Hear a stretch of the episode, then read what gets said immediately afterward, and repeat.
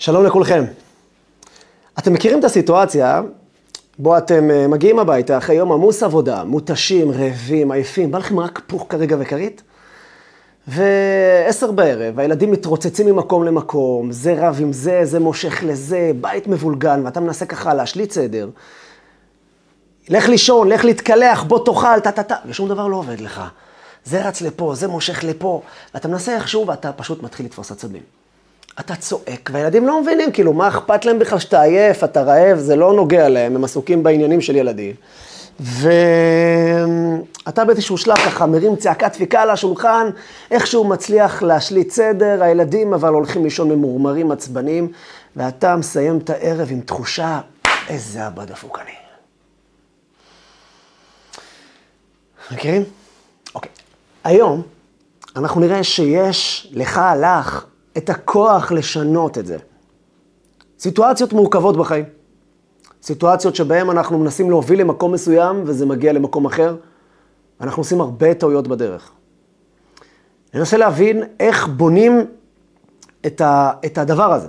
אנחנו נגלה גם כן היום שכולנו מנהיגים. כולנו, כל אחד מאיתנו הוא מנהיג, נתנו לו כוח הנהגה ביד, למרות שאתה עדיין לא רמטכ"ל, ולא בחרו בך עדיין לראשת הממשלה, אף על פי כן, כולנו, יש לנו את ההנהגה ביד. אנחנו מנהיגים. כולם, ללא יוצא מן הכלל. אנחנו נדע להשתמש במנהיגות הזאת בסיטואציות מורכבות בחיים בצורה נכונה. לדעת לשים אותם נכון, להשתמש איתם נכון. ומנהיגות בגובה העיניים. לא של התנסות, אבל גם לא של רפיסות. מנהיגות אמיתית. וכולנו כאלה. אנחנו צריכים רק לדעת להשתמש איתה נכון. נלמד על זה היום. אנחנו היום בפרשת נוח. פרשת נוח, אה, נלמד עליו על המנהיג שהיה בתקופת המבול, על מה שהוא עשה, או יותר נכון, בעיקר מה שהוא לא עשה. נשים מולו עוד מנהיג, בתקופה קצת יותר מאוחרת, ביציאת מצרים, משה רבינו. אנחנו נגלה את המנהיגות הנכונה שמשה עשה מול המנהיגות של נוח. נראה מה ההבדל ביניהם. נבין למה כל אחד מאיתנו בעצם הוא מנהיג, ונלמד ממשה שתי כלים מדהימים. איך להשתמש נכון במנהיגות נכונה. איך לעשות את המנהיגות שלנו לנכונה. ויפתור לנו הרבה בעיות בחיים שלנו. נצלול פנימה. נוח, נוח היה איש צדיק, התורה מעידה עליו, נוח איש צדיק תמים היה בדורותיו. נוח היה בתקופה מאוד מורכבת. כל הדור, כל העם, כל העולם השחית את דרכו. אנשים גנבו, חמסו ממון ונשים.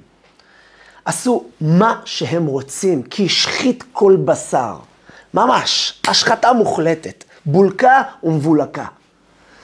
הקדוש ברוך הוא ככה חיכה, חיכה, חיכה, לא, לא עובד, החבר'ה לא זזים, מודיע לנוח, נוח, אני בעוד uh, תקופה מסוימת הולך להחריב את העולם.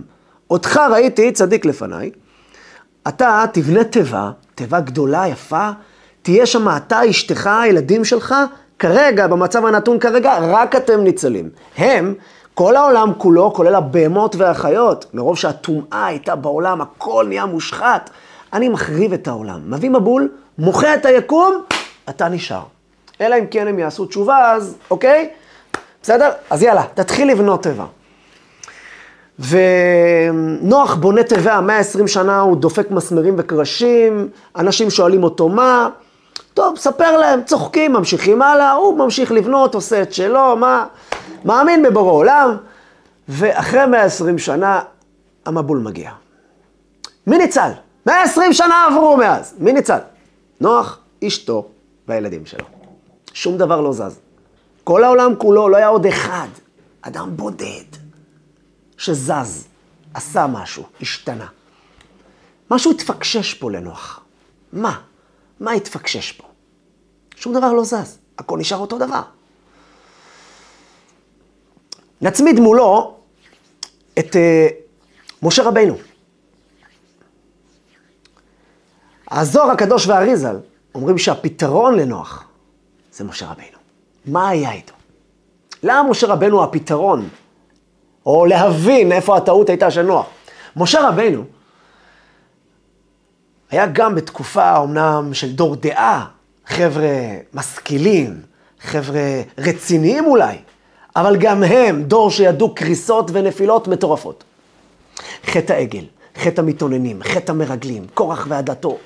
מלא מלא נפילות ווואחד נפילות, איך שאומרים. קריסות אמיתיות. ומשה רבנו, בכל קריסה שלהם, אפשר לעבור, אנחנו לא עוסקים כרגע במשה, כלומר בסיפורים של הפרשיות שלו, אני אקח דוגמה אחת מזה. מי שיסתכל לכל אורך הדרך, חומש שמות, חומש במדבר, הוא יראה מוטיב אחד. משה רבנו נלחם על העם הזה. הוא לא נותן לדבר הזה לקרות. הנפילות הוא גם ניסה להילחם, אבל אחרי שהם קרסו, הוא שינה את המצב. גם על התקופה שלו הקדוש ברוך הוא רצה למחוק את היקום, לפחות את העם הזה. הרף ממני ואשמידם, ואעשה אותך לגוי גדול. משה רבנו נשכב על הכביש ואמר, היו לא תהיה, יתהפך העולם, בורא עולם, אני עומד כאן, לא יהיה דבר כזה. חטא העגל, זורק את הלוחות. בחטא המרגלים, מתחנן לבורא עולם, תסלח להם. כל הזמן משה רבנו עושה משהו קצת שונה, משנה את המצב. הוא כל הזמן, הדברים משתנים תוך כדי תנועה. משה רבנו נלחם על החוטאים, על הנופלים. ניקח לדוגמה את חטא העגל, החטא הכי, הכי לכאורה חמור, תחת הר סיני, עומדים מתחת מתן תורה, עכשיו קיבלתם את התורה, קיבלתם את הדבר הכי גדול, מתנה יש לי בבית גנזי, קחו אותה. הם לוקחים, תחת ההר, כופרים בבורא עולם, חוטאים בחטא העגל, ועושים את הדבר הכי נורא.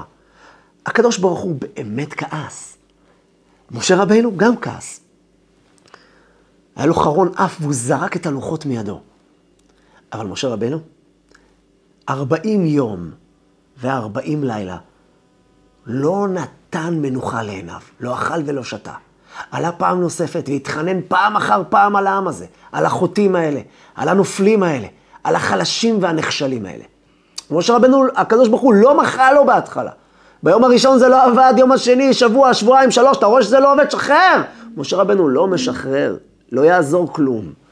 אני נלחם על העם שלי, והוא נלחם, ובסוף גם ניצח כביכול.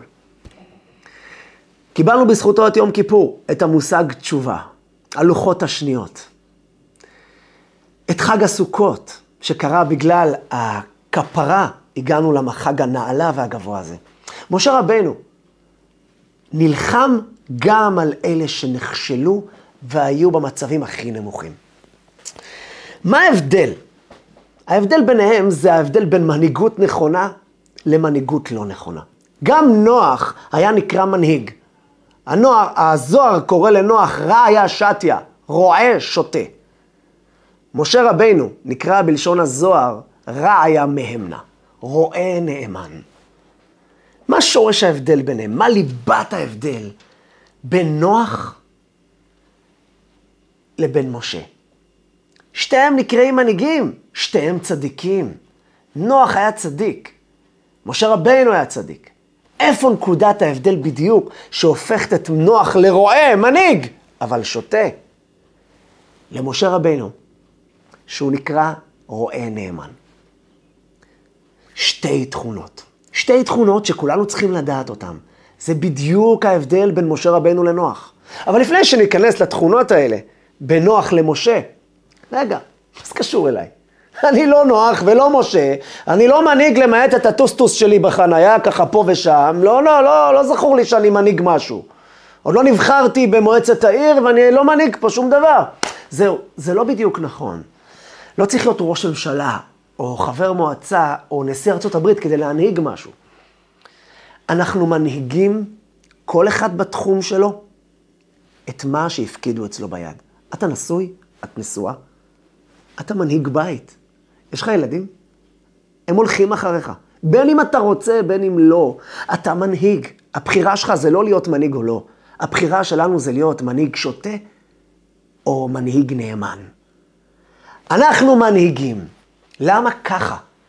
אתה מנהיג את אשתך, ואשתך מנהיגה אותך, כל אחד בתחום שלו. יש את התחום של הבעל, את התחום של האישה, והאחריות עליהם, ובזה הם מנהיגים. אתה מנהיג פרנסה. אתה מורה בכיתה? אתה מנהיג כיתה. אתה עובד במפעל, יש אנשים תחתיך? אז הנה, אתה מנהיג. אין אנשים תחתיך, אתה נשוי, יש לך בית, אין אנשים תחתיך, אתה מנהיג את מה שנתנו לך לעשות, להוביל, לעשות פעולה מסוימת במפעל. אתה מנהיג, אתה מוביל אחריך דברים, אתה יוצר דברים. כולנו יוצרים ומנהיגים בתחום שלנו, בקטן, בגדול, בענק, אבל אנחנו מנהיגים. בעבודה, במשפחה, בבית, בבניין, ועד הבית, לא משנה מה. אנחנו הפקידו בידינו את כוח ההנהגה. כולנו מנהיגים, כולנו צריכים לדעת את התכונות שמנהיג אמור לדעת. כי זה לא משנה הכמות שהם מובלים אחריך, לא משנה כמה מאחוריך יש, אבל יש, אתה חייב לדעת איך להנהיג אותם. כי אם לא תדע איך להנהיג אותם, יקרה לך בדיוק מה שקרה לנוח. רועה, צדיק, מיוחד, אבל רועה שוטה. הוא לא הקים את העם שלנו. הוא לא זה שפרץ דרך ועשה משהו שכולנו אמ, התוצאות שלם, של זה. לא, ממש לא. משה רבינו, עד היום, הוא המנהיג האולטימטיבי, שאיתו אנחנו הולכים צעד אחר צעד. אז מה ההבדל? אמרנו שתי תכונות, וכולנו צריכים לדעת אותן. שתי תכונות בסיסיות, שאיתן אנחנו צריכים לדעת להנהיג. בואו ניקח דוגמה מהחיים שלנו. ניקח דוגמה. אמ, שולחן שבת, סיטואציה שכולנו נפגשים איתה. כל שבוע, בוא נגיד ליל שבת. טרחת, האישה טרחה, הבעל טרח. נמצאים במצב חמוד, כולם באווירה נעימה.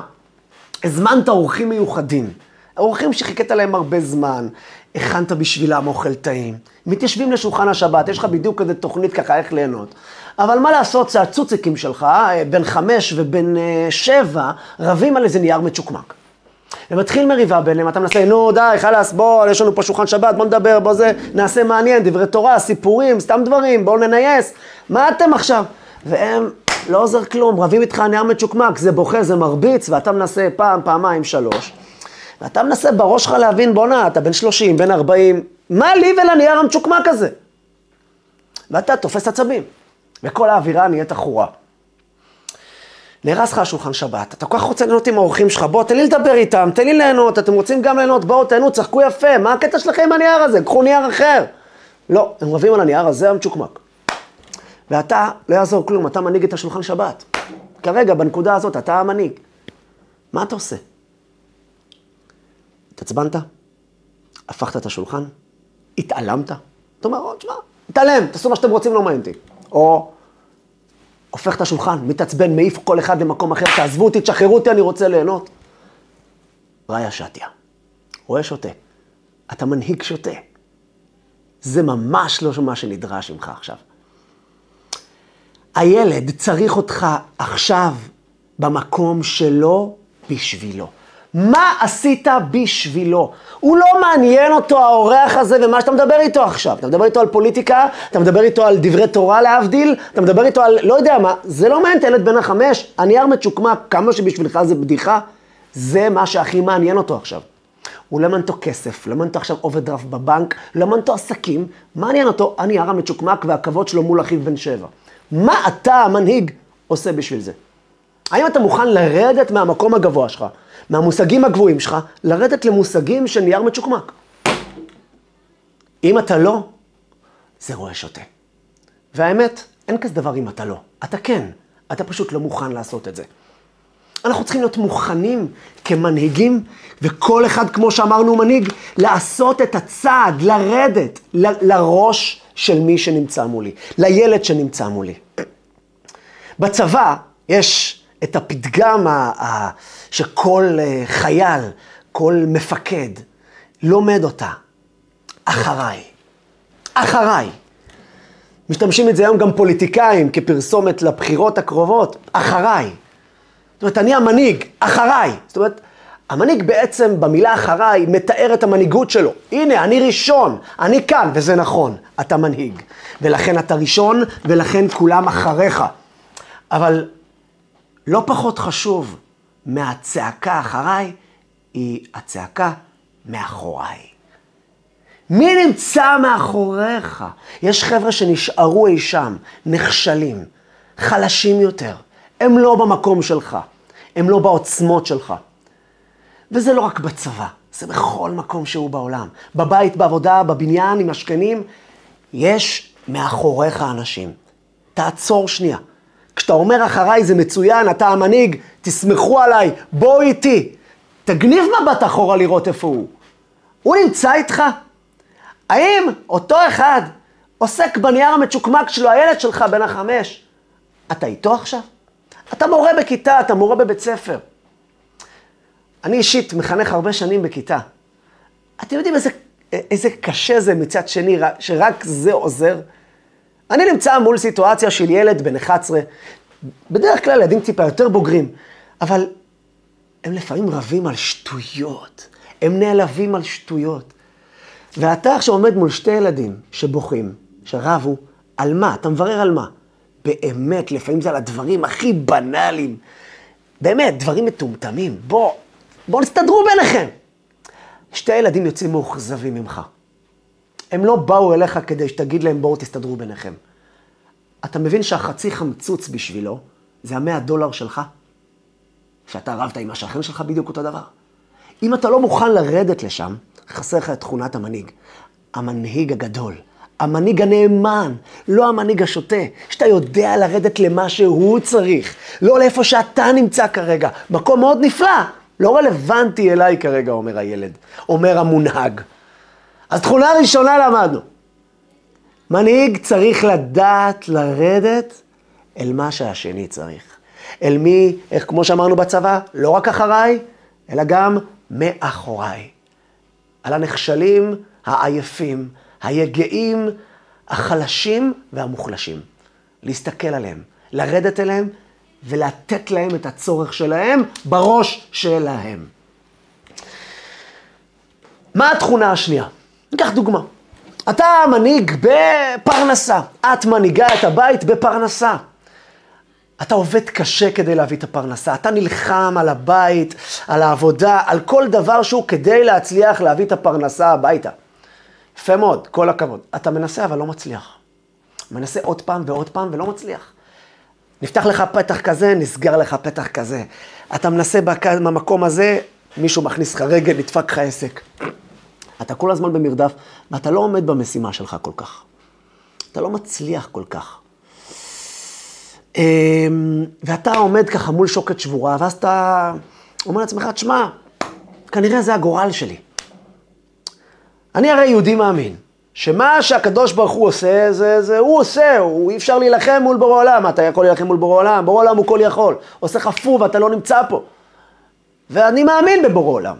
אז אם בורא עולם החליט ואני רואה שאני לא מצליח, אז כנראה זה הגזרה שלי. ואתה מרים ידיים, ואתה מתייאש ונותן למציאות הקשה הזאת להשתלט לך על החיים, וכל הבית מתפרק, אתה מתפרק, השלווה שלך מתפרקת, וכן על זה הדרך עוד מיליארד דוגמאות. בקשיים מסוימים שטיפ-טיפה קשה, אנחנו פתאום נכנסים לאמונה חזקה בבורא עולם, בורא עולם זה מה שהוא רוצה, וזה מאוד קל לברוח לשם. ודרך אגב, זה נכון, אתה חייב להאמין שבורא עולם עשה את זה.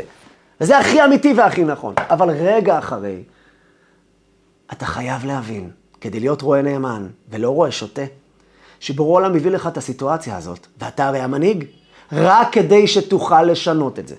רק כדי שתוכל לעשות את הסיטואציה שונה. הקדוש ברוך הוא לא נתן לך את זה ביד כדי שתתפרק פה לרסיסים. הוא נתן לך את זה כדי שאתה תילחם על המצב הזה, ולא תיתן למצב להשתלט על מה שעובר עליך עכשיו. במילים אחרות, או במילים קצרות יותר, אתה חייב להאמין בכוח שנתנו לך ביד. להאמין בעצמך. רבנו צדוק הכהן מלובלין כותב לפני כ-150 שנה. הוא כותב, כשם שאדם צריך להאמין בהשם יתברך, צריך אחר כך להאמין בעצמו. זה הכוח של מנהיג. אתה לא מאמין בעצמך? אבל תשמע, אני מאמין בבורא עולם. הבורא עולם ככה עשה. מי אני שאני אלחם מול בורא עולם? מי אתה? נתנו לך את כוח ההנהגה ביד. אם הפקידו בידיך את הילדים לפרנס אותם, אתה יכול. מה אני יכול לעשות? להתפלל. אבל בורא עולם החליט. התפילה שלך יכולה לשנות את ההחלטה של בורא עולם. אתה יכול גם לעשות מעשים, תחשוב מחוץ לקופסה. אם היית יודע את העוצמות שיש לך ביד, אתה היית פורץ דרך. אתה כל הזמן מפחד להתקדם. אתה כל הזמן עוצר את עצמך מלפרוץ קדימה. כי אתה לא באמת מאמין בכוחות שנתנו לך ביד. אתה אומר לעצמך הרבה פעמים, או בגלל אמונה בבורא עולם, או סתם כי אתה לא מאמין בעצמך, מי אני ומה אני? מי אתה? אתה המנהיג.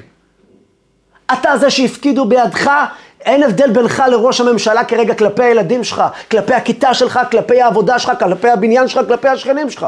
אתה ראש הממשלה, אתה המנהיג, אתה לא יכול לסגת אחורה. זה התכונה השנייה של מנהיג שצריך לדעת. שיש לך, יש לך את הכוח לשנות. אם נתנו לך את זה ביד, אתה תמיד יכול לשנות. אתה יכול לשנות את זה בתפילה ובמעשים. אין מציאות שלא. לסיכומו של דבר, שתי התכונות שנדרשות עם מנהיג, זה בדיוק הקטע של לרדת לשני, לדעת להיכנס לראש שלו, לצרכים שלו, ואם אתה לא מסוגל, ראיה שתי המותק, רואה שותה. תכונה שנייה, לדעת שאתה יכול לשנות. לדעת שהפקידו בידך את האוצרות העיקרים שלך, הילדים שלך, את הכיתה שלך, את העובדים שלך. יש לך את הכוח לשנות את הסיטואציה. רק תאמין בזה. רק תדע שאתה מסוגל ויכול. תומאס אדיסון, מגדולי הממציאים אי פעם, הוא היה ילד היפראקטיבי. בבית הספר, הוא נשלח הביתה להביא מכתב לאימא. הוא מביא את המכתב לאימא, ואימא קוראת את המכתב. תומאס שואל את אימא, מה כתוב פה? מה כתוב במכתב שהביאו לי להביא לך? אומרת לו אימא, והיא קוראת לו את המכתב, לכבוד אימא של תומאס היקר. תומאס ילד מחונן ומבריק, גאון בלתי רגיל. אי לכך ובהתאם לזאת, אנו ממליצים לכם, מכיוון שאין למורים מה ללמד אותו, שתלמדו אותו אתם. בברכה הנהלה. האמא אומרת לו, איזה גאון אתה מותק שלי. מנשקת אותו ואומרת לו, מעכשיו אני המורה שלך. האמא עזבה את העבודה, נשארה איתו בבית ולימדה אותו את כל מה שהוא היה צריך. תומאס אדיסון גדל ונהיה לאחד מגדולי הממציאים, המציא תנורה ועוד הרבה המצאות. כשגדל תומאס, אימא שלו נפטרה. יום אחד הלך לראות העיזבון שלה, בבית, חיטט, מצא מכתב מאובק, מכתב מבית הספר. הוא נזכר במכתב הזה שכל כך רומם אותו, כל כך הכניס לו גאווה, גאוות יחידה, עוצמה. הוא פתח את המכתב, והוא קרא, לכבוד אימא של תומאס אדיסון היקר. תומאס בנכם מפריע למהלך הלימודים בכיתה. לא ניתן ללמד כשהוא נמצא בכיתה. אי לכך ובהתאם לזאת, הוא מושעה מבית הספר לצמיתות. בברכה, ההנהלה. האמא החליטה להשמיע לו את המילים הנכונות, שיאמין בעצמו. וזה מה שהפך אותו למנהיג, מנהיג אמיתי. מנהיג אמיתי, אמיתי נמדד באמונה גם בעצמו. מי אתה? והוא ידע לעשות את זה נכון. זה בדיוק מה שהיה עם, אה, עם נוח, עם משה לנוח. מה ההבדל ביניהם? זה בדיוק היה ההבדל. נוח היה במצב של דור אבוד, שבור ורצוץ. נוח מה עשה? 120 שנה. אנחנו מדברים כאן על 120 שנה. הוא דופק קרשים, בונה תיבה. הקדוש ברוך הוא מראש אמר לו, אתה ואשתך וילדים ניצלים. עובר 120 שנה, וזה המצב. למה? נוח את שתי תכונות המנהיגות לא עשה. דבר ראשון, הוא אמר לעצמו, מה לי ולחוטאים האלה בכלל? כי הרי איך יכול להיות באמת שאף אחד לא השתנה? 120 שנה אין איזה מישהו שזז. נוח לא ירד אליהם לראש של החטאים והשטויות שלהם. נכון, הם טעו בדרך, עשו הרבה שטויות. כרגע הוא נמצא במקום מסוים, רד אליו. לך אליו, תמשוך אותו איתך. נוח צדיק תמים היה בדורותיו. באמת צדיק, אבל צדיק לעצמו. העולם לא זז כלום מהצדקות שלו. אנשים לא שינו דרך בגלל זה. כפירה היה גם בזמן אברהם אבינו. בדור של אברהם אבינו כולם היו כופרים. אבל אברהם אבינו, את הנפש אשר עשו בחרן. הוא שינה את העולם. הוא לקח פיקוד. הוא ידע לרדת אליהם, פתח להם משל, דיבר איתם בגובה העיניים שלהם. נוח לא עשה את זה. נוח היה תקוע בנישה שלו, הוא היה צדיק, אשתו צדיקה, ילדים צדיקים, אבל הם היחידים שנשארו ככה גם אחרי 120 שנה. הוא לא ידע לרדת לנייר המצ'וקמק של הילד. לחטאים, לשטויות שנוגע אליהם עכשיו. הוא נשאר למעלה שם בפסגה באברסט, הוא נשאר שם תמיד לבד. שתיים, על נוח כתוב שהוא היה מקטני אמונה. נוח קטני אמונה? נוח מקטני אמונה היה, מאמין ואינו מאמין. כך אומרת התורה. איך יכול להיות שנוח היה מקטני אמונה? מוסבר בחסידות. נוח היה מגדולי המאמינים בבורא עולם. לא היה חסר לו אמונה בבורא עולם. הוא לא היה פשוט מאמין בעצמו. התכונה השנייה שחסרה למנהיגות, הוא האמין מאוד בבורא עולם, ודווקא בגלל זה הוא נפל באמונה בעצמו. אם בורא עולם עשה, בורא עולם החליט מי אני ומה אני, שאני אשנה משהו כאן. וזו הייתה הטעות שלו. מי אתה? אתה המנהיג כאן. אתה היחיד שיכול לשנות. ועוד איזה שאתה יכול... אם נוח היה נשכב על הכביש ומתחנן, וגם את התכונה הראשונה שאמרנו, יורד אל העם, הוא היה הופך את הדור הזה. הדור הזה לא היה מקבל את המבול הזה, כי יש לו מנהיג שיודע להוביל אחריי ומאחוריי. גם אחריי, יודע להוביל קדימה, יודע שהוא ישנה פה את המצב. תסמכו עליי, אנחנו נשנה, אבל גם מאחוריי את שתי התכונות הבסיסיות האלה. משה רבינו, כל כך הפוך. משה רבינו, בכל חטא, משה רבינו היה הרי הענב הכי גדול. הכי גדול, ענב אמיתי. משה היה ענב מכל האדם אשר על פני האדמה. ומי לנו מאמין כמשה רבינו בקדוש ברוך הוא? המאמין הגדול ביותר. אבל משה רבינו ידע להשתמש נכון עם תכונות המנהיגות שלו. מצד אחד, משה רבינו יודע לרדת אל העם. התכונה הראשונה שנדרשת עם מנהיג. שהעם חוטא, אומר לו הקדוש ברוך הוא, לך רד. רד, רד מגדולתך, תרד שנייה מהפוזה שאתה נמצא עכשיו, בראש ההר, לוחות, הכל, רד, הם חטאו פה. משה רבנו יורד למטה ומתעסק עם החטא שלהם. הם מגיעים אליו, משה רבנו לכל אורך התקופה, מגיעים אליו, אה, חסר לנו בשר, חסר לנו מים, מה, מבלתי אין קברים לקחתנו למות במדבר. משה רבנו לא מתעצבן עליהם. אולי לפעמים קצת כועס כדי לנסות לשנות אותם, אבל הוא ממש לא מפקיר אותם לגורלם. הוא מתחנן לבורא עולם על כל צעד ושעל. עד כדי כך שבחטא העגל, על המקום הנמוך ביותר שעם ישראל ירד אי פעם. טירוף מוחלט, תחת ההר, עושים עגל, משתחווים לו, אומרים לו, אלה אלוהיך ישראל. ריבונו של עולם, תראו איפה אתם נמצאים. אתם נמצאים פה תחת החופה. עכשיו זה הזמן שלכם לעשות את זה, השתגעתם? ומשה רבנו מתעסק איתם. עד כדי כך שהוא אומר לקדוש ברוך הוא, אני מבקש ממך למחול ולמחול ולמחול ולמחול, והקדוש ברוך הוא אומר, לא מוחל, לא מוחל, לא מוחל. אשמידם ואעשה אותך לגוי גדול. משה רבנו רואה שזה לא הולך לו, הוא אומר לו את המשפט הנורא, העצום, המדהים ביותר שמנהיג יכול לומר. אם אין, אם אתה לא מוחה להם, מחי נא מספרך אשר כתבת. תמחק אותי מהתורה שלך, תהרוג אותי. אני לא רוצה להיות בכזה סיטואציה. אם אתה את החוטאים והנכשלים האלה לא מוחה להם, לא מרים אותם, לא מקבל אותם חזרה, תמחק אותי. עם עין, מחי נינה מספרך אשר כתבת. מנהיג. אומר הארי הקדוש, שימו לב לדבר מהמם. עם עין, מחי נינה מספרך אשר כתבת, המשפט העוצמתי הזה של המנהיג הזה, המילה מחייני בנויה מאותיות מי נוח. המבול הרי נקרא מי נוח, בנביא. אנחנו נקרא את זה בהפטרה גם כן. ועם עין, מחי נינה מספרך אשר כתבת. מחי נינה זה אותיות מי נוח. ברגע הזה, נוח, ברגע הזה, נוח תוקן על ידי משה רבינו עליו השלום. משה רבינו עליו השלום תוקן דווקא על ידי נוח ברגע הזה. הרגע הזה שהפך את משה רבינו למנהיג, הוא הרגע שבו הוא נלחם על העם החוטא הזה. על העם שקרס ונפל. מי נוח, נוח מבול מול משה המנהיג. מול לר... לרדת לעם ומצד אחד להאמין בעצמך, מול להישאר גבוה ולא להאמין ביכולת שלך לשנות. אלו, אלו ורק אלו, התכונות, או לפחות, לא יודע אם רק, התכונות הבסיסיות שכל מנהיג צריך לדעת אותו. לסיכום, כולנו מנהיגים. מה אנחנו צריכים לדעת מהשיעור הזה? מה נשאר לנו מהשיעור הזה? מה אנחנו יודעים על ההנהגה? מה המנהיג צריך לדעת לעשות? אז ניקח לעצמנו בדיוק את זה. מנהיג צריך לדעת שתי דברים. בבית, במשפחה, בכל דבר, לא משנה איפה.